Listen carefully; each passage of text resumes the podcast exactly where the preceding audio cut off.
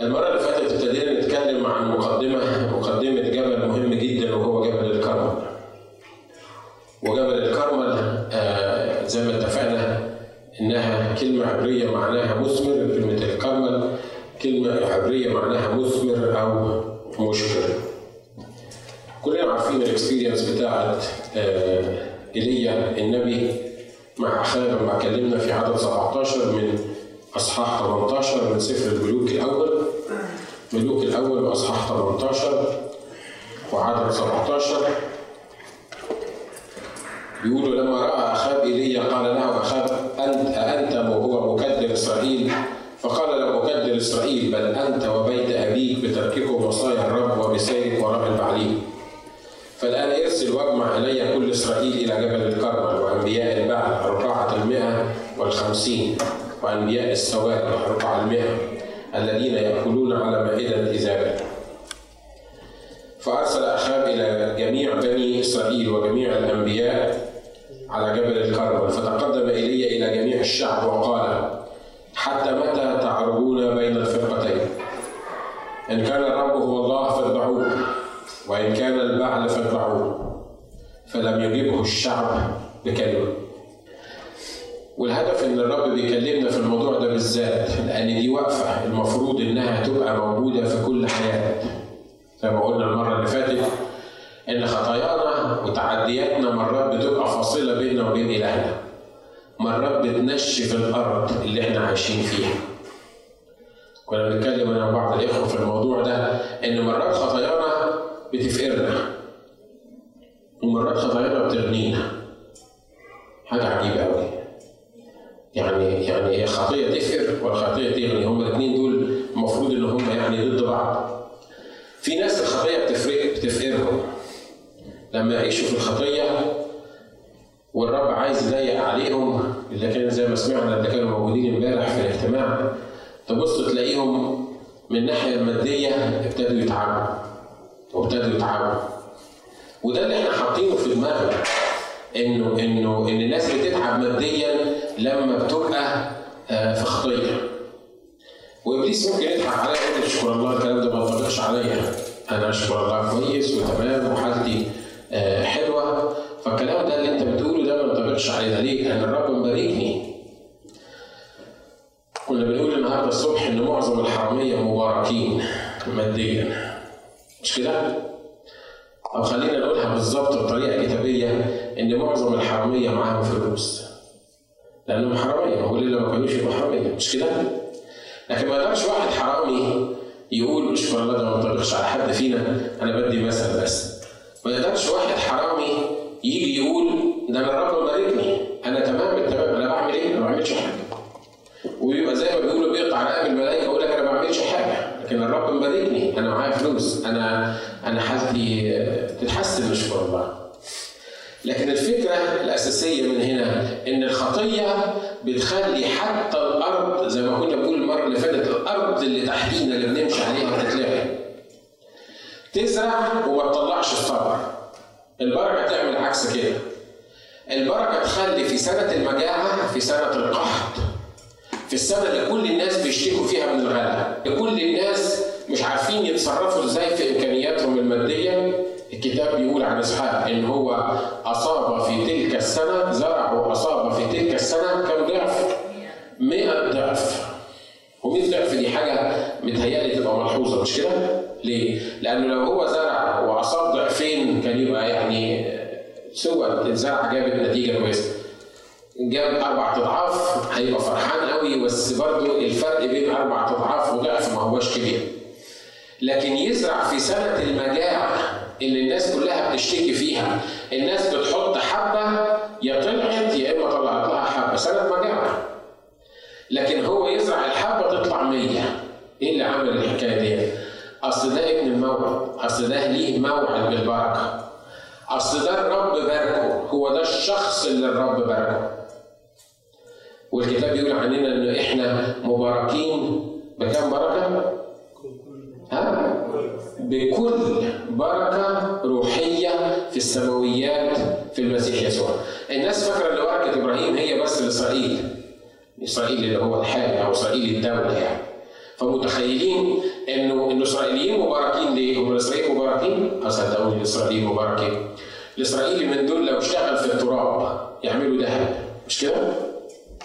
لو اشتغل في أي حاجة ما تلاقيش إسرائيلي فقير. والرب كريم هو طبعا إسرائيل الحالي ده. يعني ده ده, ده لو الرب بيعامله حسب خطاياه وحسب أسامه المفروض إن هو يمحيه من على الأرض تماما. لكن الرب وعد إبراهيم في وقت من الأوقات. مرات كنت بفكر طب إحنا مؤمنين؟ مالنا إحنا أنا عمري ما كنت يهودي ولا أبويا كان من سبط من سبط سبحت أو من من الفرع بتاع سام إحنا بالذات المصريين من من الفرع الملعون الفرع بتاع حاجة وشئنا أو لم نشأ هي دي الحقيقة المصرايم دون من من حام والكتاب قال كده ملعون كنعان عبد الإيه؟ عبد العبيد. لعن كنعان لأنه ما قدرش يمنع يلعن حام لأنه لأن الرب كان باركه لما طلعوا من من الفلك فما قدرش يلعنه فلعن كنعان. لكن الفكرة هي إن إحنا كمؤمنين إحنا مباركين. مباركين بكل بركة روحية في إيه؟ في السماويات. طب والبركات المادية إحنا لينا بركة إبراهيم برضه مش كده؟ بيقول المؤمنين مش لازم يبقوا فقراء. صح الكلام ده؟ صح صح ها؟ المؤمنين مش لازم يبقوا فقراء خلي بالكم من حاجة إحنا كنا بنتكلم عن ال prosperity ما هياش ال prosperity إنك أنت تجيب الفلوس بأي طريقة ما هياش الفلوس اللي اللي تتجاب وانت حياتك خربانة.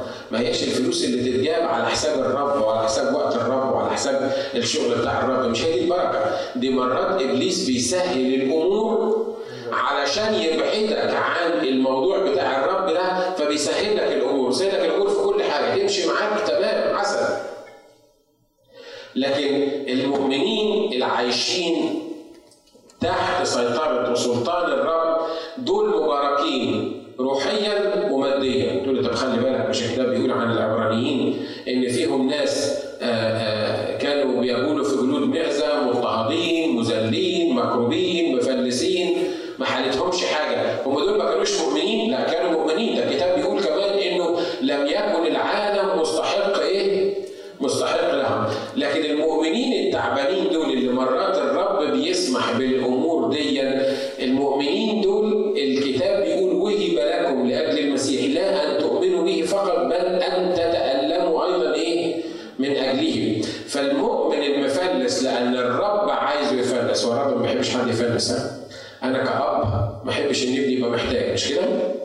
لكن مرات غصب عني بخليه يعدي في وقت من الأوقات يكون محتاج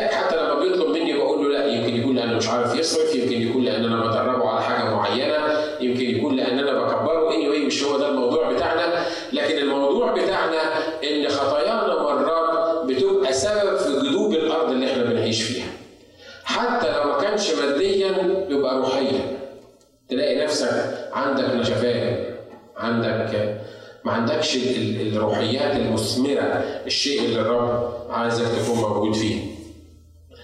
والوقفة مع النفس اللي بيحطها إيليا على جبل الكرمل اللي المفروض إن كل واحد فينا بيقفها مع نفسه بشكل أو بآخر. وكل ما يحس إن في آلهة غريبة داخلة في حياته محتاج يقف الوقفة دي مع نفسه. ومحتاج يسأل السؤال ده إيليا جاب الناس دول وحطهم قدامه وقال لهم بصوا إلى متى تعرجون بين الفرقتين؟ ما ينفعش إنك تمسك العصاية من النص، ما ينفعش إنك شوية تبقى هنا وشوية تبقى هنا، شوية تبقى مع الله وشوية تبقى مع العالم، شوية تخدم المال وشوية تخدم الرب، ما ينفعش. يسوع قال بوضوح كده إنه لا يستطيع أحد أن يخدم إيه؟ سيدين. وساوى بينه قال على نفسه سيد أو على الله إن هو سيد وعلى المال إن هو سيد يقول ما ينفعش إنك تخدم الاثنين لا أنا فهلوي وأعرف أعمل القرش. فأنا هصلي واعبد وأعمل كل حاجة زمان لكن أنا هعرف إزاي أعمل القرش. أنت لا هتعرف تعمل قرش ولو عملت القرش مش هتعرف تعيش صح مع الرب. تقول لي لا طب ما أنا مش عايز أعمل قرش عايز نعيش فقير عايز نعيش في مستوى وحش عايز نعيش تعبان. لا برضه مش عايزك تعيش تعبان. انت أنت لا عايزني أعيش غني ولا عايزني أعيش فقير. لا أنا عايزك تستمتع ببركة الرب. لأن الرب ليه بركة في حياتك ليه ميزان في حياتك ليه عطية في حياتك عايز يديها لك علشان في سنة الجدوب تقدر تربح 100 ضعف. أمين؟ تقول لي اخ ناجي بس. اخ ناجي ده أنا بشتغل في كارلوس جونيور. باخد 1100 دولار في الشهر. ال 1100 دولار في الشهر بدفع منهم 900 دولار آه، آه، بتاع ده سكن. ما عنديش إلا 200 دولار بعيش بيهم تقدر تقول لي ربنا يعيشني بيهم إزاي؟ أقدر أقول لك حاجة بسيطة قوي أقدر أقول لك إن أنت ممكن تاخد 5000 دولار و6000 دولار في الشهر وما عندك سعادة ما يبقاش عندك سلام وتروح المستشفى تصرف منهم مش عارف قد إيه وال medical بتاعك يضيع وال CMS بتاعك يخرب وحتى تبقى بقى ممكن مش كده؟ ها؟ ممكن تلاقي ال- ال- العربية بتاعتك ماشية في أمان الله هي سنة 2003 العربيات اللي سنة 1989 لسه ماشية وبتجري على على ال freeway وعربيتك اللي هي سنة 2003 دي تبص تلاقيها محتاجة كل شهر 2000 دولار. ألو صح اللي أنا بقوله ده مش كده؟ أنا بتكلم كلام عملي مش بوعظ. في حاجات الرب بيشيلها عننا إحنا ما بناخدش بالنا منها ما بنحسبهاش. مش داخلة في الميزانية بتاعتنا. اللي داخل في الميزانية بتاعتنا في البادجت بتاعنا ال- اللي الرب بيديهولنا أو اللي إحنا حاسين ان إحنا بنقبضه واحتياجاتنا اللي هي مرات بتبقى اكبر من اللي بيخش لنا. عشان كده حاسين ان في مشكلة في البركة اللي إحنا بنتكلم فيها. لكن ما عندناش فكرة ان الرب صحيح بيدينا الكمية دي من البادجت بتاعنا لكن في ايتمز كتيره هو بيشيلها بينه وبين نفسه كده من غير إحنا ما نعرفها مش كده برضه؟ في حاجات الكتاب مرة بيقول للناس بيقول لهم إن أنتوا بتعملوا فلوس لجيب منقوب. جيب منقوب يعني جيب فيه خرم عارف لما يكون جيب فيه خرم كده وأنت ما تعرفش إن- الجيب ده فيه خرم وأنت ماشي كده كان في بلادنا ما بيدوش شيكات طبعا بيدوا بيدوا جنيهات وحاجات من كده وتحطهم في جيبك تبص تلاقي انت مش واخد بالك إن الجيب مخروم وكل شوية عمال يسرب الفلوس اللي فيه عبال ما توصل بيتكم تلاقي ربع مرتب مرتب ال- إيه اللي حصل؟ إيه اللي خلى ال- ال- الربع بس اللي موجود؟ لأن ده في حاجة اسمها جيب منقوب، لأن في حاجة اسمها قلة بركة، لأن الشعب مش قادر يفهم وأنا مش قادر أفهم إن حاجة من الاثنين يا أعبد الرب يا أعبد إيه؟ يا أعبد البعل. امين؟ بداية البركة رأس الحكمة رأس البركة هي إيه؟ مخافة إيه؟ مخافة الرب تقول لي لا طب أنت بتقول إن الرب باركنا بكل بركة روحية في المسيح يسوع على فكرة بيقولوا دكتور شو بيقول إن في أكثر من 8000 بركة روحية في الكتاب المقدس أنا ما عدتهمش طبعا هو راجل علامة عدهم مش عارف إزاي بس بيقول في أكثر من 8000 بركة في الكتاب المقدس. طبعا إحنا بالنسبة لنا البركات هم ثلاث أربع بركات بس اللي إحنا عايزينهم وسيبك من ال 8000 عايزين الفلوس تبقى كتيرة وعايزين الصحة تبقى عال وعايزين البيت يبقى تمام التمام. هم دول الثلاث حاجات اللي شغالين إيه؟ شغالين مخنا. لكن في بعد الثلاث حاجات دول أكثر من 7997 بركة الرب كاتبها في الكتاب المقدس. والعجيب إن الرب يسوع بيقول مش هيباركنا بكل بركة روحيه الكتاب بيقول إيه؟ باركنا بكل بركه روحيه في المسيح يسوع. يعني already البركة اتحطت في الحساب بتاع البنك بتاعي بس المشكلة أنا بستمتع بيها ولا لا؟ يبقى المشكلة مش في الرب هيباركني ولا ما يباركنيش الرب already باركني والرب حط في حساب البركات. المشكلة فيا أنا أعرف آخد من البركات دي ولا ما أعرفش آخد من البركات دي؟ آمين؟ ها؟ في ناس زي ما بقول لكم تاخد ثلاث بركات وخلصنا والباقي والباقي مش مهم كتير. نروح السما هنستمتع بكل حاجة. في ناس تعرف تطمع في الرب وتاخد 10 أو 20 لكن الكتاب بيقول باركنا بكل بركة روحية في المسيح يسوع. مين هم دول؟ خلي بالكم باركنا فين؟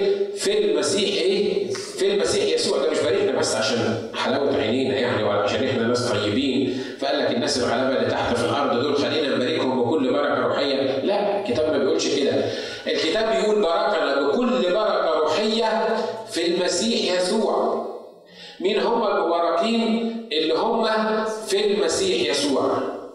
مين اللي يقدروا يحصلوا على البركات الروحية اللي هم عايشين في المسيح يسوع؟ أمين؟ نوضح الحتة دي بطريقة سيمبل تاني اليوم اللي بقبل فيه الرب يسوع مخلص شخص لحياتي بيتكتب لي شيك ب 8000 بركة. في الدخول والخروج وفي الصحة وفي العافية وفي البيت وفي المعجن واقرا البركات اللي الرب بيعملها سواء كانت مادية أو أو روحية. ده اليوم اللي أنا بقبل فيه الرب يسوع المسيح، أنا طب ما حدش قال لي الحكاية دي، لو كانوا قالوا لي الحكاية دي. كنت جددت من 30 سنة بدل ما أنا عشت فقري لمدة طويلة، ما حدش قال لي إن في اليوم ده، وما حدش بيقول الحكاية دي كتير. لكن الفكرة هي انك في اليوم اللي قلت للرب فيه أنا خاطي ومجرم وهالك مهنم ولو مت ماليش رجاء. ولو مت مش عارف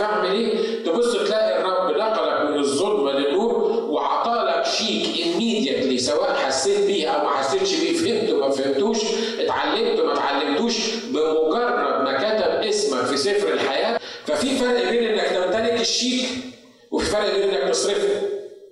ما هو الشيك قبل ما تحطه في الحساب بتاعك مجرد ورقة ملهاش قيمة ورقة. بس مكتوب فيها رقم. لما تحطه في الحساب بتاعك لو ما صرفتش منه مجرد رقم اتضاف للحساب بتاعك مش هيفرق لو الرقم ده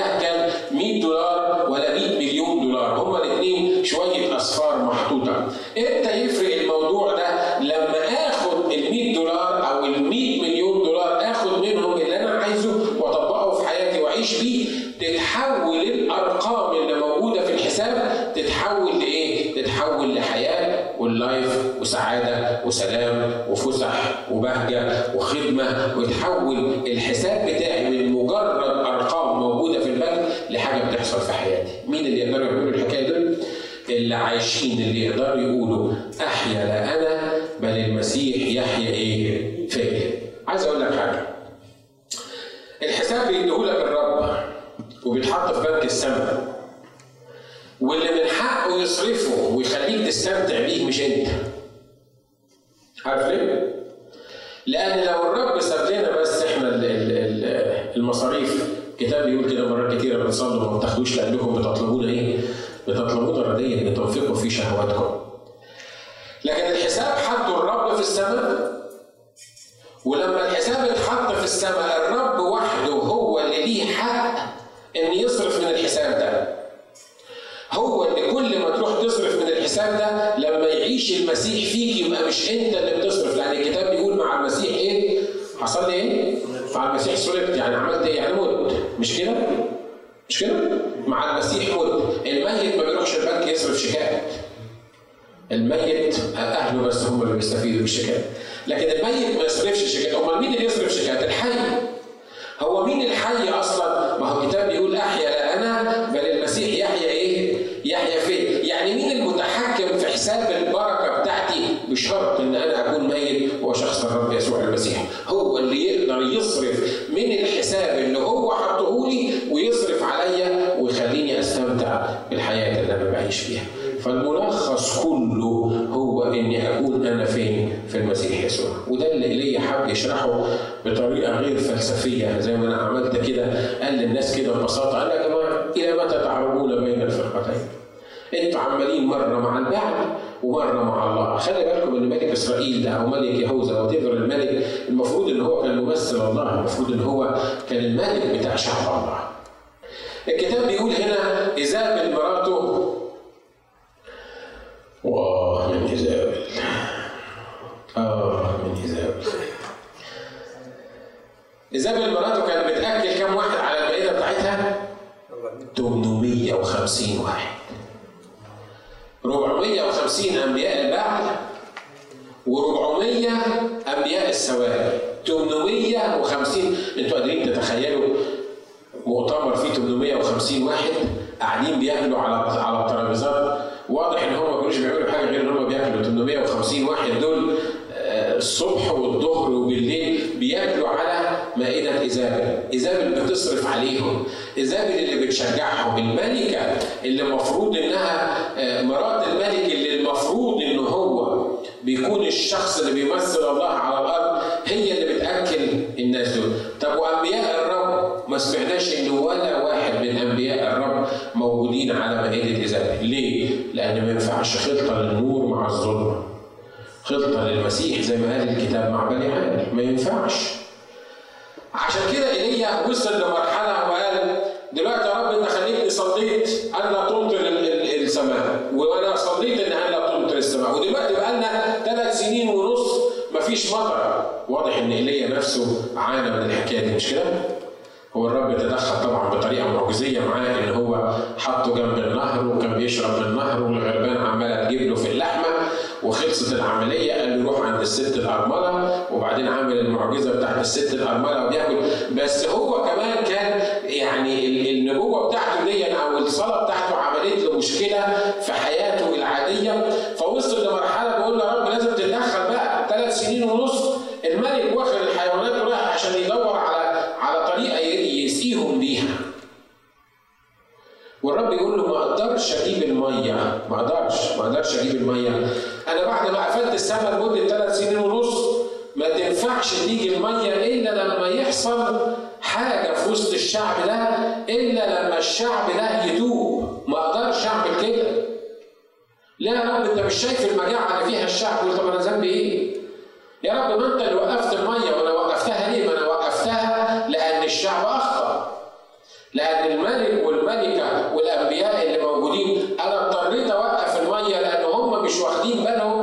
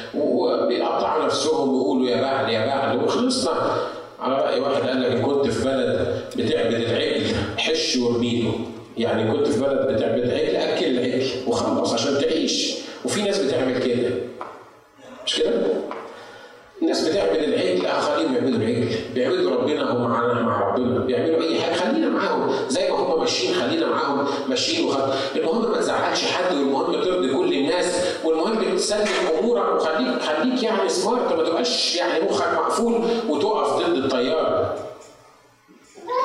عشان كده ليا جه في الوقت ده قال لهم اسمعوا إن كان الله الرب هو الله فاتبعوه وإن كان البعل فاتبعوه.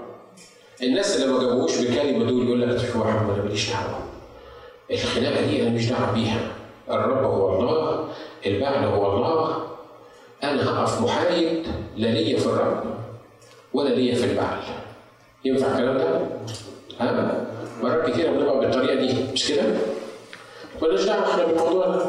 مالناش دعوة بموضوع الرب. شوفوا إحنا لا هنسخن قوي ولا يعني حياتنا الأخ ناجي كل شوية يقول لك شوف الخدمة شوف اللي مش عارف الرؤية شوف اللي مش عارف مين.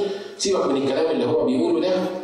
وفي الوقت نفسه إحنا هنيجي الاجتماع ونبقى تمام التمام. هنعيش مع الناس وهنرنم لما يسقفوا هنسقف. لو موضوع التسقيف عالي برضه هنتوه في الوسط ونسقف. لو الناس ما بتسقفش برضه عاجبنا. ما, ما عندناش مشاكل. إحنا بس عايزين إيه؟ نعيش كده مستريحين نشكر الله ونكمل. وخلصنا. الفترة دي يا جماعة ما هياش الفترة اللي الإنسان يقول فيها كده. وأنا بتكلم روحيا دلوقتي وبتكلم لكل واحد موجود النهارده في الاجتماع بما فيكم أنا. الفترة اللي جاية مش كده.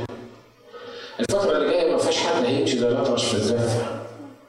الفترة اللي جاية ما فيهاش حد هيمسك العصاية من النص.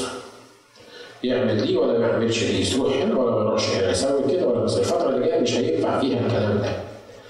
لأن الرب كان بيتكلم إن في جبال لازم نعبرها، وأهم حاجة في الجبل ده القصة كلها بتاعت جبل الكرمل ده هي إن كان الرب هو الله فاتبعه، وإن كان البعل فاتبعه.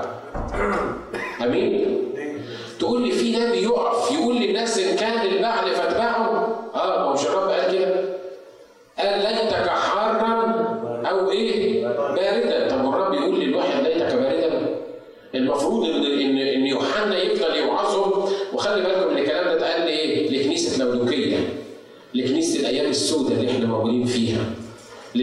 chạy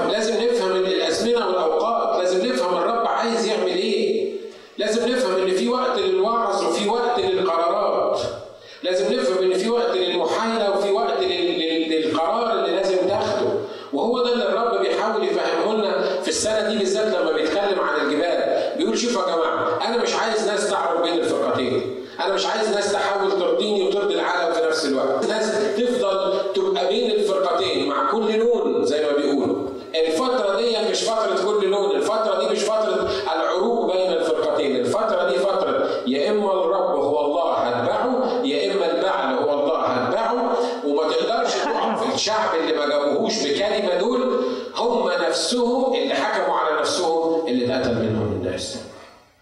آمين. ده حتى أنبياء البعل نفسهم ما قالوش لإيليا لا.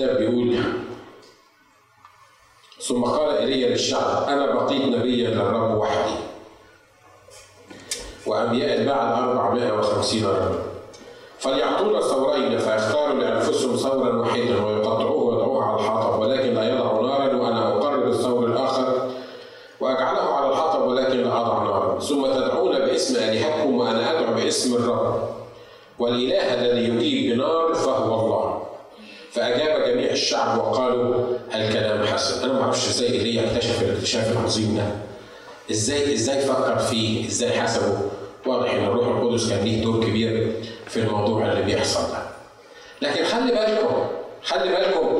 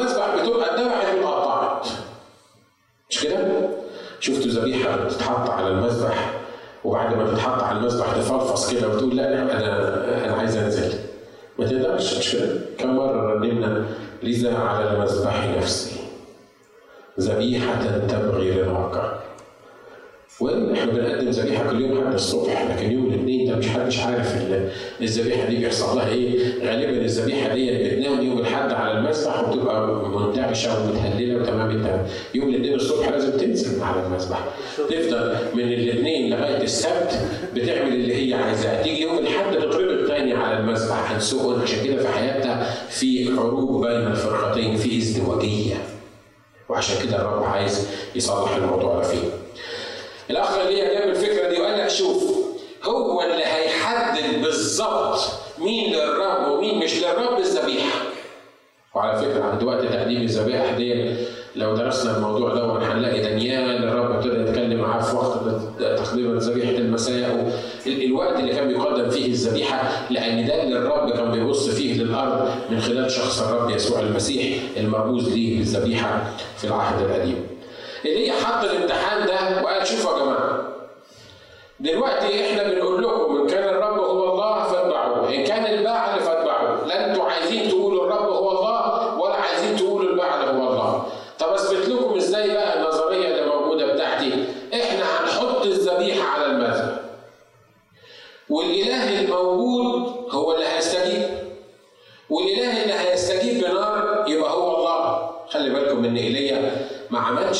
علشان أنبياء البعل لا ما عملش كده عشان أنبياء البعل ما عملش كده عشان أنبياء السواد عارفين ليه عمل الحكاية دي ليه؟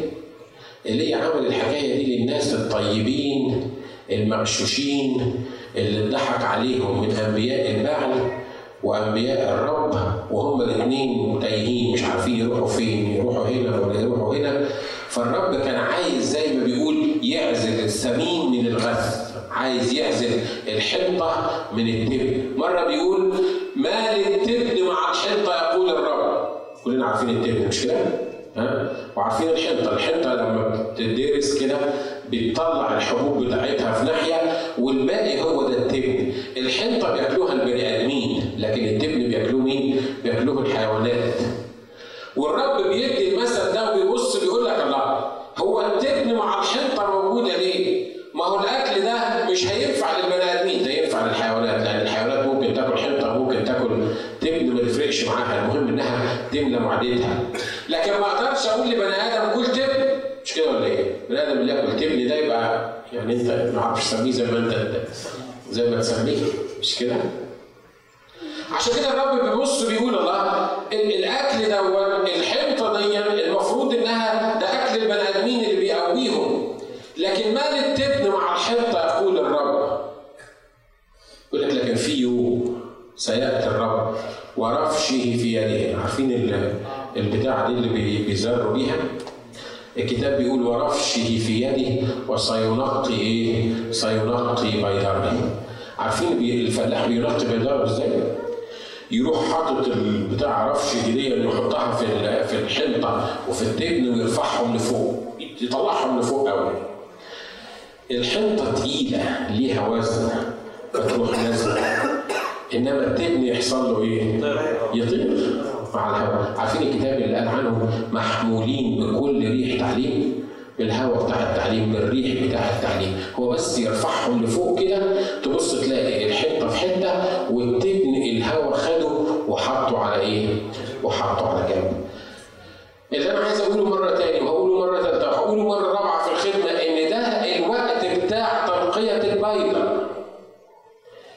انت حنطة وانت حنطة وأنا حنطة وهتحط مع الحنطة اللي بتستخدم في الدقيق والدقيق اللي كان بيشير لشخص الرب يسوع المسيح. يا إما للأسف اللي مش هيقدر يفهم الحكاية دي هتحط مع التبن. والتبن ده يروح فين؟ الكتاب قال عنه حاجتين يا إما يروح الحيوانات يا إما يحصل إيه؟ يتحرق. تقول لي أكيد ما بتتكلمش عن المؤمنين. أكيد لأن المؤمن لا يهلك. والمؤمن ما يروحش النار. والمؤمن ده مؤمن يروح النار إزاي؟ لا أنا ما بتكلمش عنه هو هيروح فين. أو هي هتروح فين؟ هي هتروح السماء هتروح السماء. لكن في ناس الكتاب بيقول عنهم لا يخلص ولكن كما إيه؟ كما بنار يعني إيه؟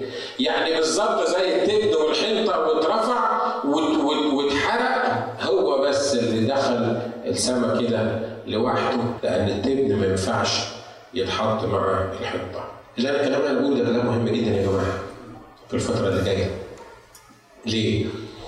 هو الرب مش عارف أخ ناجي مين هم التبن ومين الحنطه الرب مش عارف مين اللي بيعبدوا الله ومين اللي بيعبدوا البعل هو الرب عارف بس أنا مش عارف. الرب عارف بس إحنا مش عارفين. الرب بالنسبة له كان يقدر ما يعملش القصة دي كلها. يصحى الصبح يلاقوا أنبياء البعل وأنبياء السواري خلصانين. مقضي عليهم. وتمام التمام. وتبقى معجزة. وتبقى ساين برضه. كنا هنوعظ فيهم على المنبر ونقول إن حصلت معجزة كبيرة. ان صحي الصبح ما لقيوش الايه؟ الأنبياء. لكن مرات الرب بيضطر يصور قصة كبيرة في العهد القديم. حصلت حقيقي ليترالي حرفيا على جبل من الجبال. علشان يكلمني أنا فيها وعشان يقول لي شوف إن كان الله لم يشفق على إسرائيل الحقيقي الأولاني. فكان بالحقيقة إحنا تقول إحنا نشكر الرب إن ما عشناش في وقت إسرائيل ده الرب كان بيعمل فيهم عمايل سوداء وعين عينك على طول الوباء ينزل يخبطهم. نشكر الله المؤمنين ما فيهمش لا وباء ولا بيجي لهم وباء. ومرة يطلع نار تحرق ومرة يفتح الأرض ويخلي نشكر الله إن إحنا عايشين في عصر النعمة وعصر النعمة ما فيهوش الكلام بتاع العهد القديم ده صح اللي أنا بقوله صدقوني عصر النعمة إنجاز التعبير أصعب من العصر القديم ليه؟ لأن أنا بفضل إن أنا لما أعمل حاجة تستاهل الحرق إن ربنا يحرقني ويخلصني. مش كده؟ لكن مرات بعمل الحاجة ال- الروحية اللي المفروض ان أنا ما اعملهاش وتكون النتيجه ان أنا عايش لا أنا عايش ولا أنا ميت لا أنا مستمتع بحياتي ولا مش مستمتع بحياتي أنا بين الفرقتين عمال أتحرك من هنا لهنا وبعمل هذا وذاك وده أكبر عقاب للشخص المؤمن عارف أكبر عقاب للشخص المؤمن هو إيه؟ إنه يصلي والسماء تبقى حيط وال... وال... والأرض تبقى نحاس زي ما بيقولوا يقول لك هو فين ربنا؟ ربنا مش موجود ليه؟ ربنا ما بيتحركش ليه؟ ربنا مش شايف ليه؟ ربنا ما بيعملش ليه؟ لا ربنا موجود وشايف وبيتحرك وتمام التمام، الفكرة أنا اللي لا شايف ولا موجود ولا بتحرك ولا بعمل حاجة خالص. الكتاب بيقول هنا إن ايليا قال لهم بصوا يا جماعة الإله اللي هيجيب هو الإله الحي والكتاب بيقول إن إلهنا نار إيه؟ آكلة هو طب هو إلهنا بس نار آكلة مش إلهنا آه كمطرقة ولا كلمة الرب كمطرقه تحط بالصخر مش الهنا رحيم مش الهنا رؤوف. ليه ربنا ما أظهرش رحمته على الناس بتوع البعل دول ولا بتوع السواري وقال لهم فوقوا وارجعوا؟ لا. خلي بالكم إن صفات الله صفات متكاملة. اللي بيعمله الرب حاجة متكاملة في وقت من الأوقات بيقول لك أذناك تسمعان صوتا خلفك. قائله هذه هي الطريق أسلك فيها. طب لو حطيت قطنة في ودانك و... و... وما سمعتش تكون النتيجه انك في اخر الطريق تقع في الحفره بس ببساطه ببساطه ما فيهاش ما فيهاش ما فيهاش جدال عشان كده ليه؟ لهم بصوا يا جماعة دلوقتي أنتوا مش عارفين مين اللي مين اللي تتبعوه. لا لا لا البعل ولا الرب إحنا مضطرين نعمل امتحان. والامتحان هنسميه امتحان النار. وهنجيب الذبيحة. أنتوا عايزين ترضوا ربنا مش كده؟ طيب أنتوا بترضوا البعل إزاي؟ الكتاب بيقول إن هم كانوا بيرضوا البعل بالذبائح. فيهم ناس كانت بت- بتعبر ولادها في النار وكانت بتقدم ولادها كذبائح انسانيه. طيب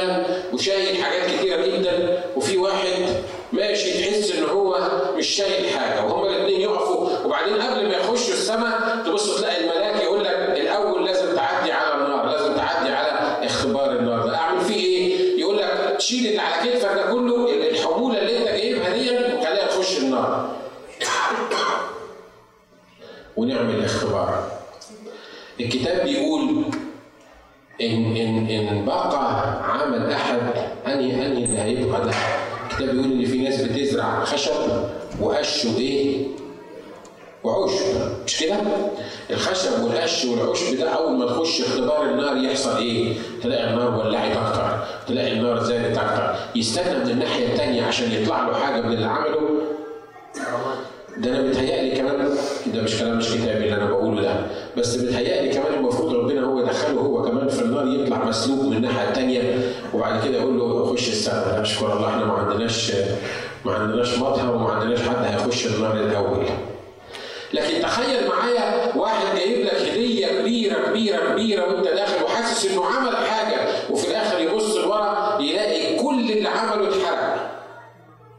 واحد تاني مش شايل شيلة كبيرة كده وعاش طول عمره تعبان وبيحاول يعمل لكن شايل حاجة في إيديه صغيرة خالص كده في في إيد واحدة كده شايلها.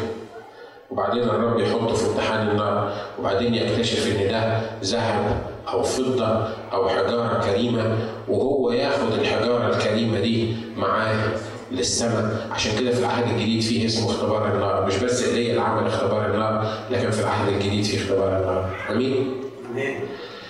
الفتية الثلاثة اجتازوا في اختبار النار ده مش كده؟ ها؟ اجتازوا في اختبار النار الملك بيقول لهم أتعمدا يا شدرخ وميشخ وعبدناه ما سجدتوش للتمثال بتاعي؟ طب شوفوا أنا هديكم فرصة تاني أنا الأتون محمد لكن أنتوا لو سجدتوا للتمثال بتاعي هديكم فرصة الكتاب بيقول إيه؟ الكتاب بيقول إسمع يا نبوخذ نصر لا يلزمنا أن نجيبك على هذا إيه؟ هذا الأمر عارفين إحنا عرفنا شدرخ وميشخ شدرخ وميشخ وعبدناه دول ليه؟ لأن هم جازوا في النار مش كده؟ لو ما كانوش جازوا في النار لو كانوا سجدوا زي كل اللي, اللي سجدوا كنا سمعنا عنهم مش كده؟ لو لا حتى لو ما سجدوش بس ما تذكرش إن هم ما سجدوش كنا سمعنا عنهم اللي سمعنا أصلا عن شطر وميشخ وعبدناه هو إيه؟ النار النار اللي اجتازوا فيها ليه؟ لأن النهارده إحنا عارفين لأن اجتازوا في الامتحان بتاع النار ده لما طلعوا من الناحيه الثانية الكتاب بيقول لك لم تكن للنار قوة ولا حتى الريحة بتاعتهم على ثيابهم. عشان كده النهارده إحنا بنتكلم عنهم وعرفناهم. الاخ ليه عمل اختبار النار ده وقال كده بصوا يا جماعة هنحط شرط مهم جدا. بيقول لك فليعطونا ثورين عدد 33 ولا 23 فليعطونا ثوران فاختاروا لانفسهم ثورا واحدا واقطعوه ويضعوه على الحطب. ولكن لا يضعوا نارا وأنا اقرب الثور الآخر واجعله على الحطب. ولكن لا اضع نارا ثم تدعون باسم الهتكم وأنا ادعو باسم الرب. والاله الذي يجيب فهو إيه؟ الاله الذي يجيب بنار فهو الله. هو ايليا كان يعز حكايه النار ديت عشان كده بيسموه النبي الايه؟ الناري. كلكم فاكرين لما الراجل بيقول له يا رجل الله الملك بيقول انزل قال له لو كنت رجل الله تنزل نار من السماء وتاكل حصل؟ يبعت له 50 تاني راح عامل نفس الحكاية بتاعت النار دي مش كده؟ حتى وهو طالع في السماء طلع في مركبة إيه؟ في مركبة من النار عشان كده بيسموه ليا ده الايه؟ النبي الايه؟ النبي الناري بس ده عايز يكتب رساله إن النار موجودة إن النار موجودة للاختبار والتمحيص والتنقيه النار موجودة وأتمنى وبصلي لنفسي إنك ما تخشش في ما تستناش ربنا لما يدخلك في اختبار النار، لأن خلي بالك من حاجة اختبار النار لو طلعت منه هيطلع حاجة من الاثنين، يا هتطلع وأنت شايف الرجع الشبيه بابن الآلهة يا إما هيحصل لك إيه؟ يا إما هتتحرق. مفيش مفيش بين الاثنين. مفيش بين الاثنين. اللي يخش النار يا يتحرق هو وينتهي عمله وينتهي هو يا إما يطلع من الناحية الثانية وهو عنده اختبار بالرابع الشبيه بابن الايه؟ بابن الالهه. والله ما بيبتديش معانا بالنار ونشكر الله لأنه ما بيبتديش معانا بالنار. لكن ارجو انك ما توصلش الرب إن هو يحطك في اختبار النار، بقول لك والإله الذي يجيب بإيه؟ بنار. خلونا نقرا قصه من غير تعليق. بعد كده بيقول عدد 26 فأخذوا الثور الذي أعطي لهم وقربوه ودعوا باسم البعل من الصباح إلى الظهر. قائلين يا بعل إيه؟ أجبنا. فلم يكن صوت ولا مجيب. وكانوا يرقصون حول المذبح الذي عمل. طب معلش أنا قلت من غير تعليق بس الكلمة دي مش قادر أفوتها. بيقول لك وكانوا يرقصون حول المذبح. بيعملوا إيه؟ دول كانوا بيعملوا إيه؟ لا إله إلا الله زي ما اللي خلى الناس في العهد القديم حوالين مذبح البعل عشان يرضوا الاله بتاعهم ويخلوه يستجيب ويبسطوه. واضح إن هم ما كانوش بيرقصوا من غير مزيكا مش كده؟ ها؟ واضح إن هم اللي بيرقص ده بيرقص على على على انغام يعني مش كده؟ بيرقصوا قدام الذبيحة. أنبياء البعل بترقص قدام الذبيحة. وإحنا لما نقول للناس ارقصوا قدام الرب واهتفوا أيها الصديقين ويا جميع الأمم صفقوا بالأيادي. تلاقي الواحد رفع لك حاجة كده ونزل لك الحاجة لك أنت بتقول إيه؟ إحنا نعمل إيه؟ أنت لازم تبقى حشمة. لازم تبقى محترم. في محضر. الكتاب بيقول لك وكانوا يرقصون حول المذبح. قعدوا يرقصوا قد إيه حول المذبح؟ من الصبح لغاية إيه؟ من الصبح لغاية الظهر. ما تعبوش من الرقص دول. يمكن ثلاث ساعات يمكن أربع ساعات. ما أعرفش الصبح ده ابتدى الساعة 8 ولا الساعة 7 حتى لو ابتدى الساعة 9 تالي مش بعد 9 لو ابتدى الساعة 9 وحتى لو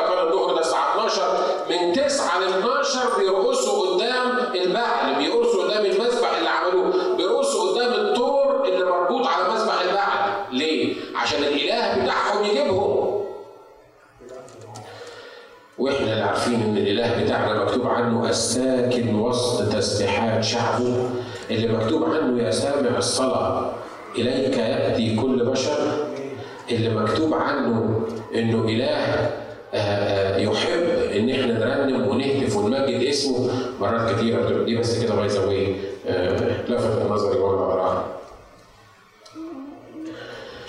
يقول لك فلم يكن صوت ولا مجيب وكانوا يرقصون حول المذبح الذي عند الظهر سخر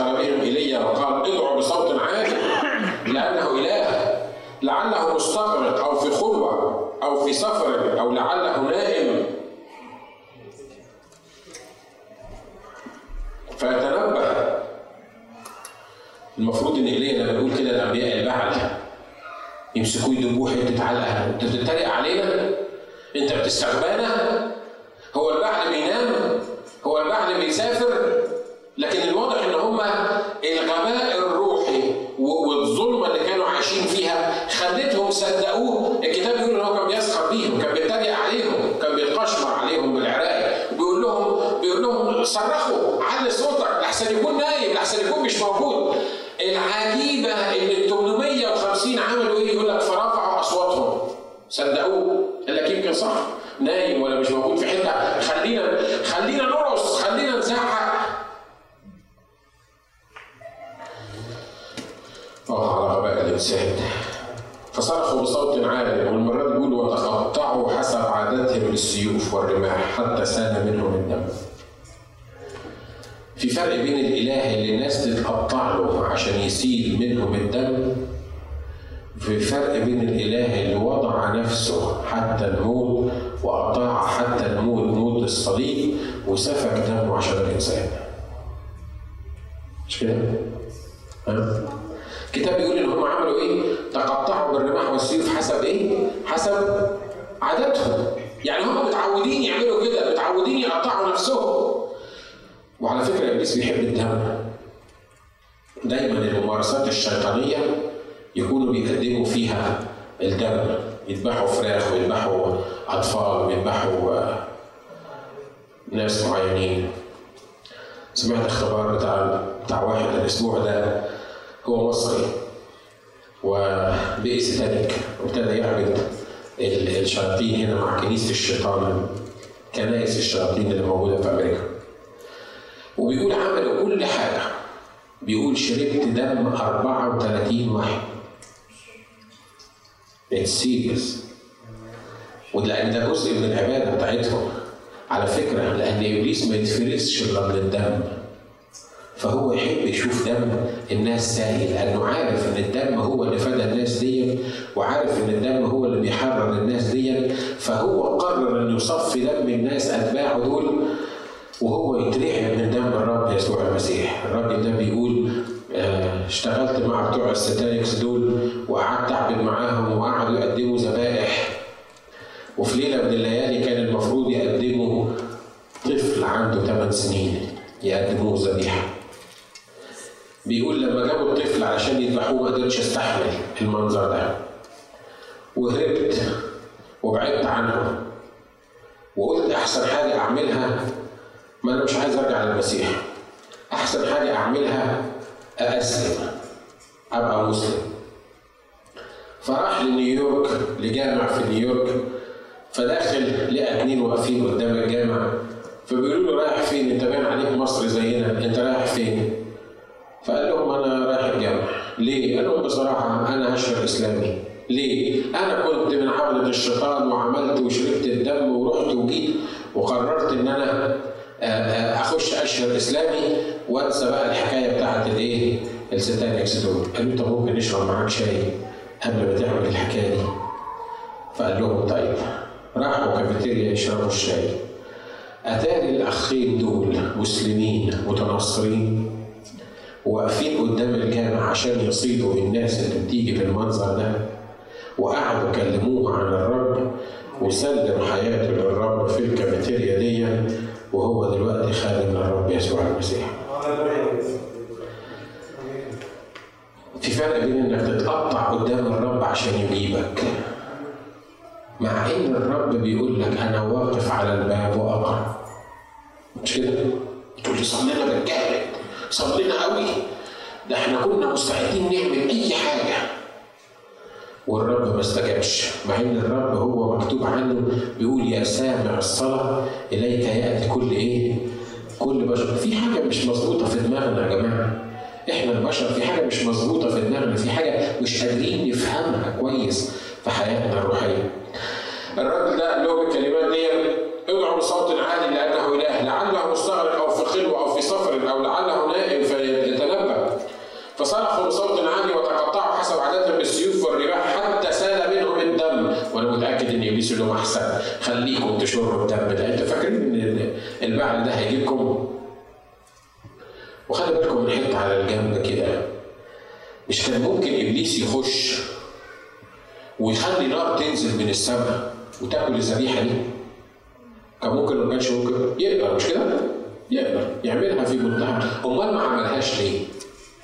هو إبليس غبي إنه يسيب نفسه يتفضح الفضيحة الكبيرة دي ويبان إن البهل ده مش إله، ليه إبليس ما تدخلش في الفترة دي وراح منزل نار من السماء وكان الذبيحة بتاعت البعل وكانوا الناس قالوا البعل هو الله وكان أضلهم. لا.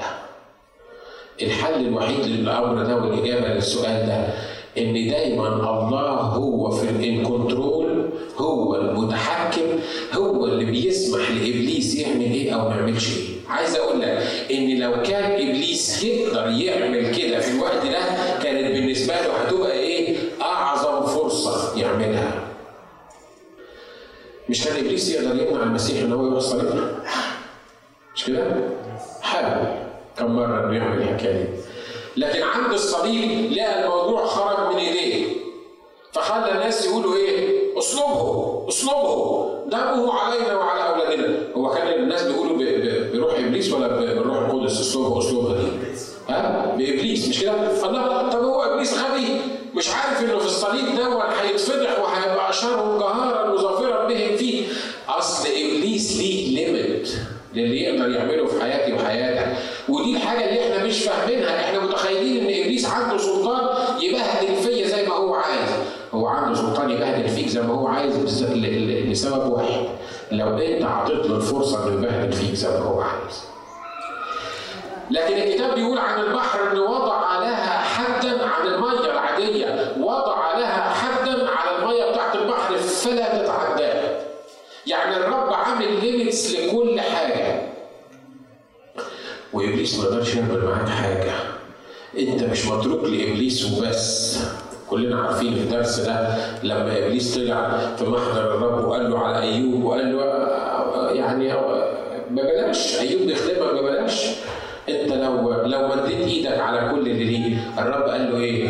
روح مد إيدك على كل اللي ليه. قدر في المرة الأولانية إنه يضربه مرض؟ ما قدرش يعمل كده. مش كده؟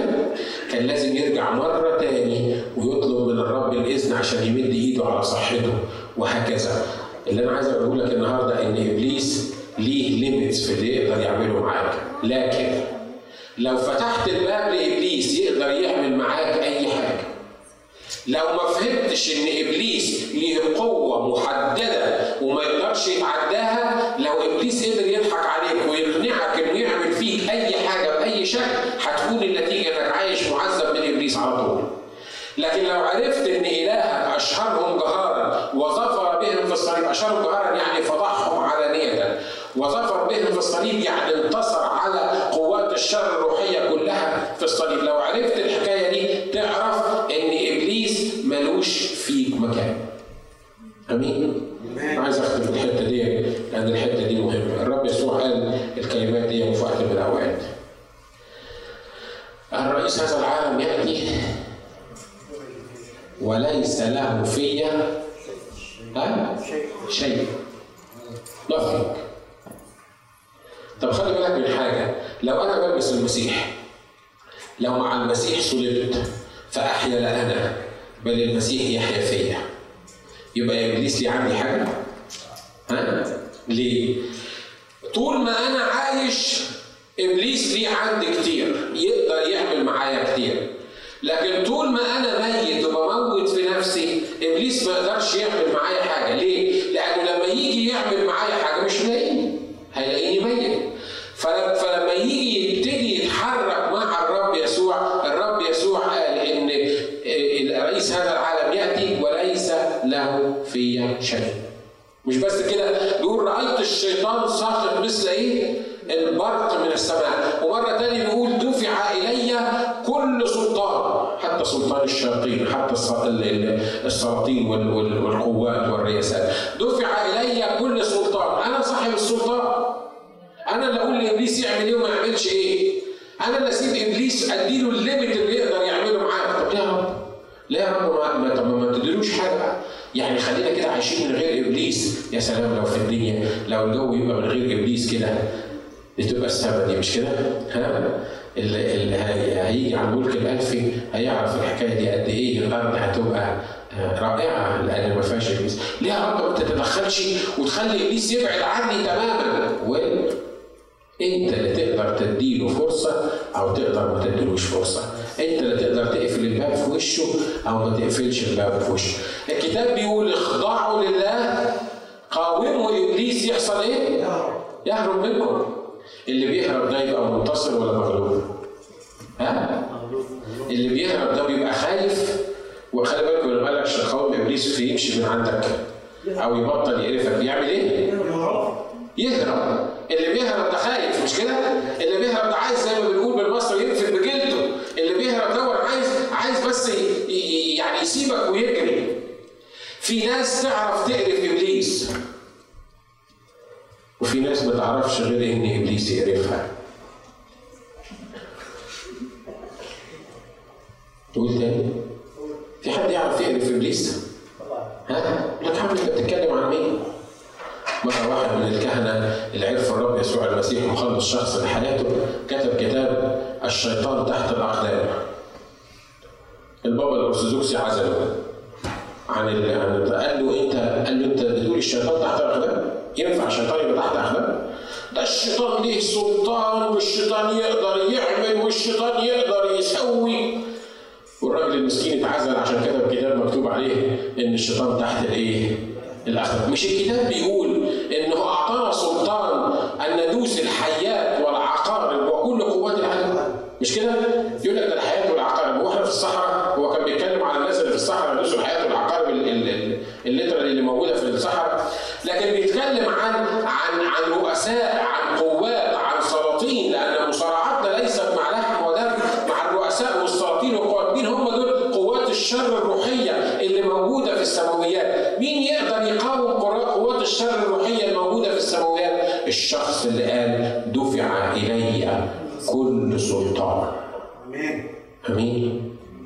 لما تقرأ عن التلاميذ يقول لك أرسلهم وأعطاهم سلطان.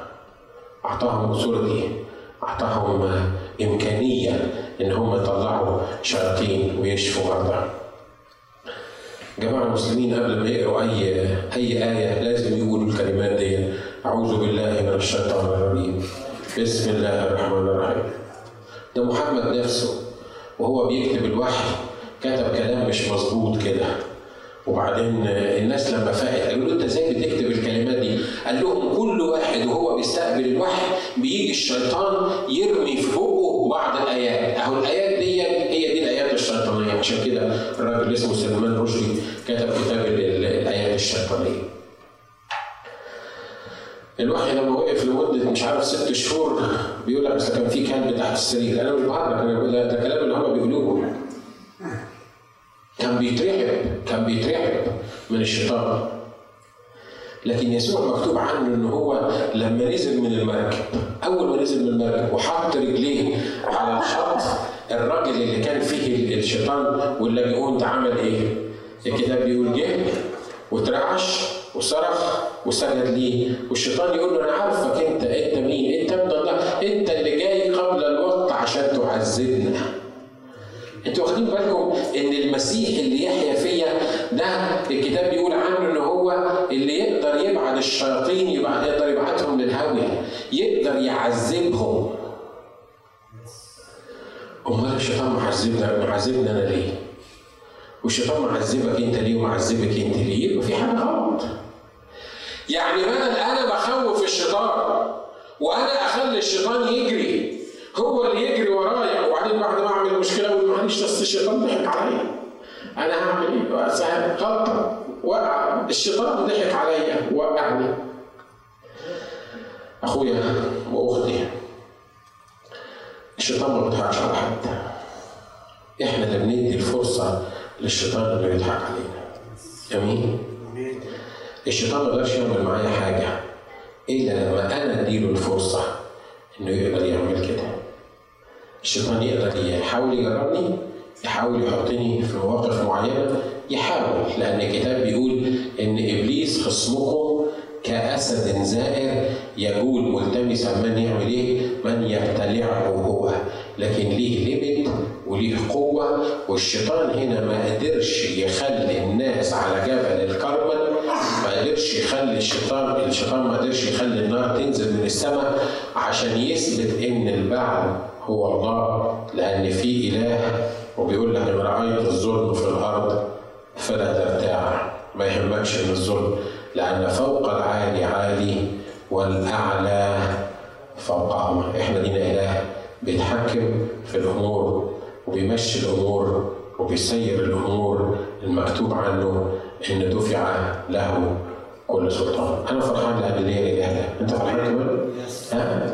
لينا إله يحيي الموتى ويدعو الأشياء غير الموجودة كأنها موجودة. طب لو أنت مش فرحان انت حر خليه يتصرف معاك خليه يتمشى بيك خليه يتسلى بيك. الكتاب يقول اخضعوا لله الأول وبعدين تقدروا تقاوموا إبليس فيهرب إيه؟ فيهرب منكم أمال إحنا مش قادرين نقاوم إبليس فيهرب مننا ليه؟ أصل بص الآية الكريمة ما كملناهوش الكتاب بيقول اخضعوا لله وبعد كده قاوموا إبليس فيهرب إيه؟ فيهرب منكم آمين؟ آمين مجدا للرب مجدا